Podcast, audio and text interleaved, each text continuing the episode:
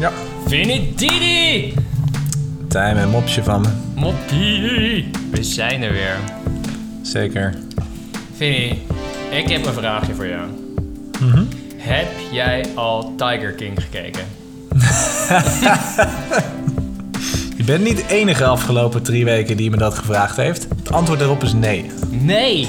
Nee! Nee, ah. Ah, missing out. Je noemt dat delayed gratification. Ja. Ik wacht er nog even mee. Het is leuk als je het erover kan hebben met iedereen tegelijkertijd. Maar dat is niet waarom ik vraag of je Tiger King hebt gekeken. Ik heb eh, nu een paar afleveringen gekeken. Ik vind het intens. En eh, wat je ziet zijn eigenlijk allemaal, nou ja, Amerikaanse internetgekkies. Hè. Het deel komt ook uit Florida, dan is al genoeg gezegd. En eh, die Oeh, Florida Man. Ja, ja. allemaal op een eigen manier een, een tiger farm. En dan gaan ze zeggen waarom het goed is dat ze daar tigers hebben en, en tigers gebruiken. En ze zitten helemaal in hun eigen wereld. En je kijkt naar al die Amerikanen die op bezoek komen, die allemaal dik en lelijk zijn en eh, zeggen: Oh, I'm holding a tiger. en ik was aan het denken, al deze mensen. Van de, de, meest, de Joe Exotic, de meest gestoorde gozer eh, in die serie, tot al die Amerikanen en die filmmaker. Die denken eigenlijk allemaal dat ze zelf redelijk normaal zijn. En dat de cultuur waarin Ja. zij functioneren ook redelijk normaal is. En dit is een super expliciet voorbeeld, maar de meeste van ons denken dat de manier zoals wij leven en de groep mensen die eh, een beetje op ons lijken en om ons heen leven, ehm, ook de norm is. Dus we zijn allemaal, zitten we helemaal vast in een manier van denken en in onze biases. En ik wou vandaag even met jou gaan filosoferen van wat voor dingen zijn wij als, nou ja, hè, relatief hoogopgeleide Nederlanders, zijn wij echt totaal blind voor. Ik vind het interessant hoe we op een gegeven moment een paar Ja. jaar geleden de Zwarte Pieten discussie hier hebben opgestart, dat er toch hè, eh, Ja, dingen zijn die wij over het hoofd zagen. Aan de ene kant hoe fel eh, mensen eh, zich aan tradities willen houden. Aan de andere kant hoe eh, Ja. mensen toch zien van dit is een uiting van een slavernijverleden. En Ja. dat je daar zo tussen staat. Nee, ik had, het alle, ik had beide kanten niet gezien. Ik dacht dat het een kinderfeest was. Ja, dat, Ja, dat, ja, ja. en dat is ook wel de insteek. Alleen de uiting daarvan. Nou, we gaan even niet inhoudelijk op de, de Zwarte Piet discussie in. Maar het is meer het feit, nee, dat, ja. het feit dat je gewoon dingen over het hoofd ziet. Ja. Nou ja, ik moest even opzoeken, vandaar dat ik stil was. Dat heb je niet vaak bij. Maar je noemt het qua stupidity het Dunning-Kruger effect. Mm, Dat wist ik, eh, Dat is- dat dat wist is ik wel ergens in mijn voornamelijk achterhoofd. met skills, hè? Is dat. Klopt. Ja, niet met cultuur. Maar eigenlijk hoe dommer je bent, hoe minder je dat doorhebt, zeg maar. Hoe minder je zelfkritisch je ook wordt. Misschien heb je het, een dergelijk soort effect ook met cultuur. Hoe meer cultuur je hebt of denkt te hebben, hoe minder je het objectief kan zien of iets dergelijks. Maar Nou, ik zou wel. Ik denk dat er wel een correlatie is tussen zeg maar als jij een heel erg niche bent in een sub sub sub sub subcultuur, dat je nog veel meer moeite hebt om te overzien zeg maar hoe andere sub sub subculturen zijn. ja. ja, of je Ehm, bent gewoon niet zelfkritisch genoeg. Misschien is dat het gewoon. Nee, ja, ook. Maar je, je double down op iets, hè? Mhm. Ja, nee, dat is waar. En eh, als, je, als je algemener bent, of als je, ik, ik denk dat de, de best cure voor, deze, voor, voor dit soort culturele biases is reizen. Reizen, met Ja. mensen praten, allerlei eh, lezen. Ja.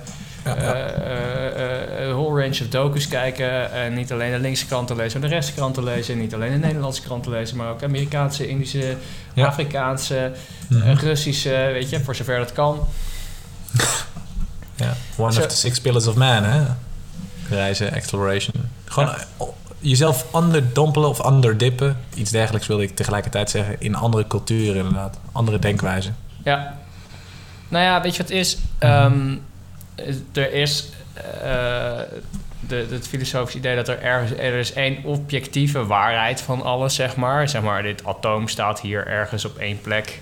En dat is een feit dat hij daar staat, zeg maar. En eh, we kunnen er op honderdduizend manieren naar kijken, maar dat, hij, hij staat daar. Hè?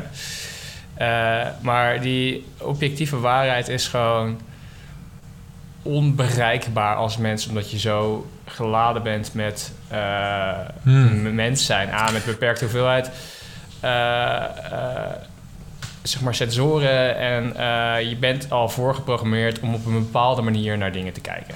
Ja. Vol- Volgens mij was Pythagoras die zei: There is no objective truth because man is the measure of all things.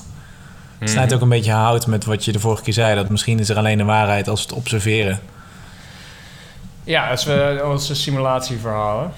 Ja. Maar ja, het, denk voor dit verhaal makkelijker als we aannemen dat er een objectieve waarheid is. En, daarnaast kunnen we ook binnen een subjectieve realiteit objectief eens zijn over bepaalde zaken die er zijn, ook al accepteren we niet. Ik bedoel, een science book, zeg maar, of natuurkunde. eh, stel, we hebben nu een kernoorlog, alle kennis gaat verloren, maar mensen blijven overleven.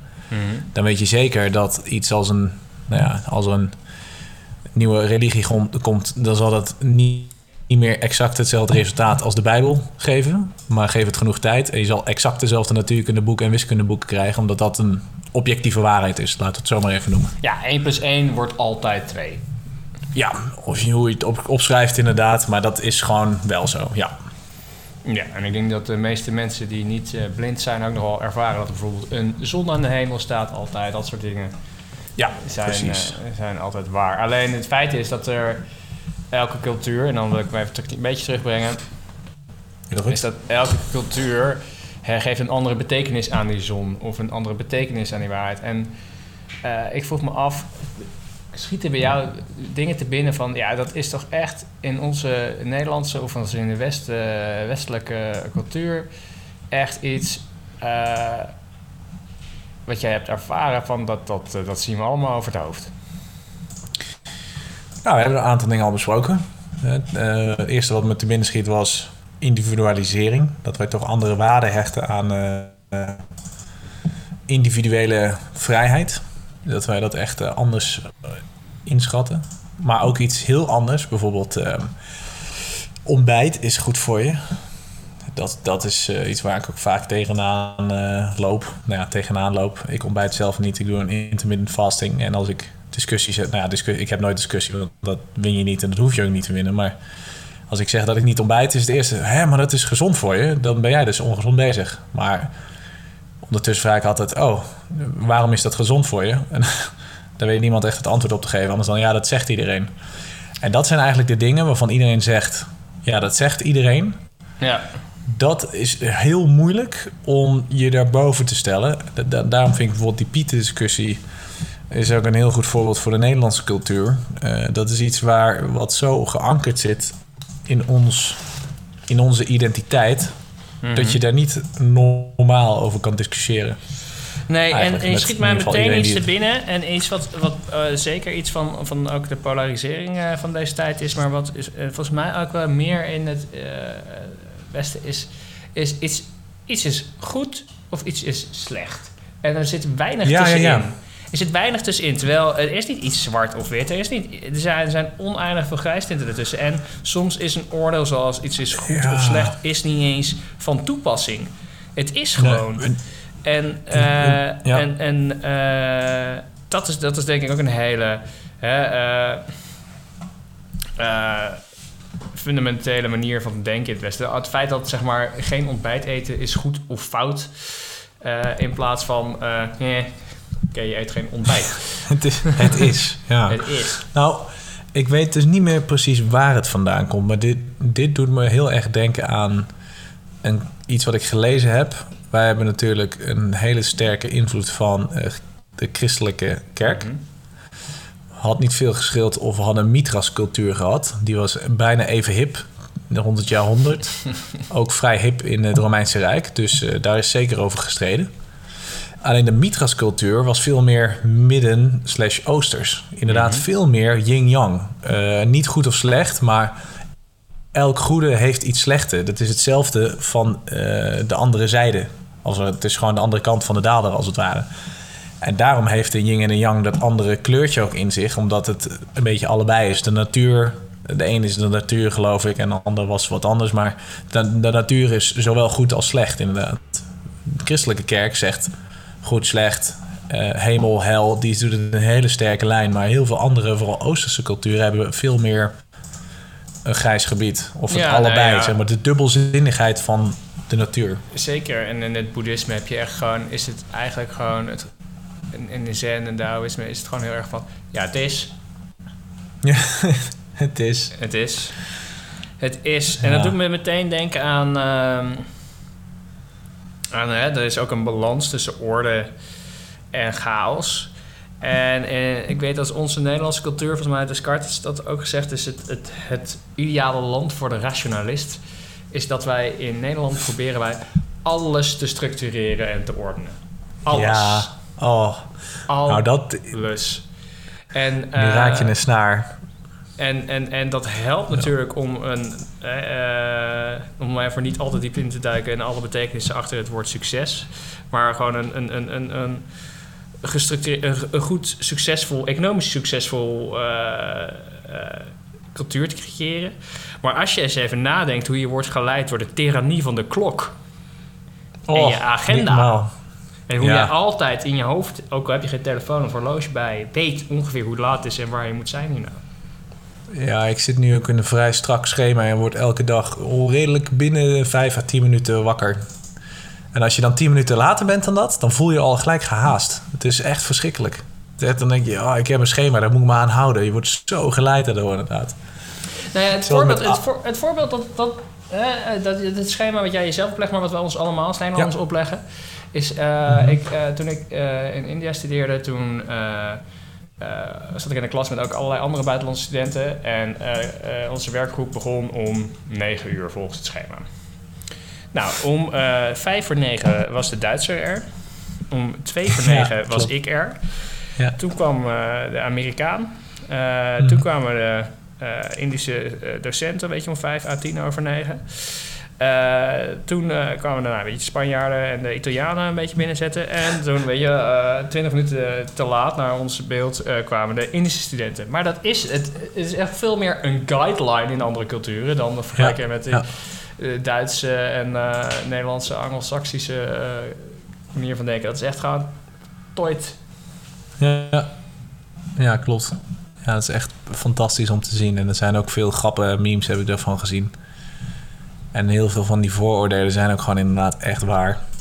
Dat je gewoon afspraken kan maken en dan een uur later komen ze binnen.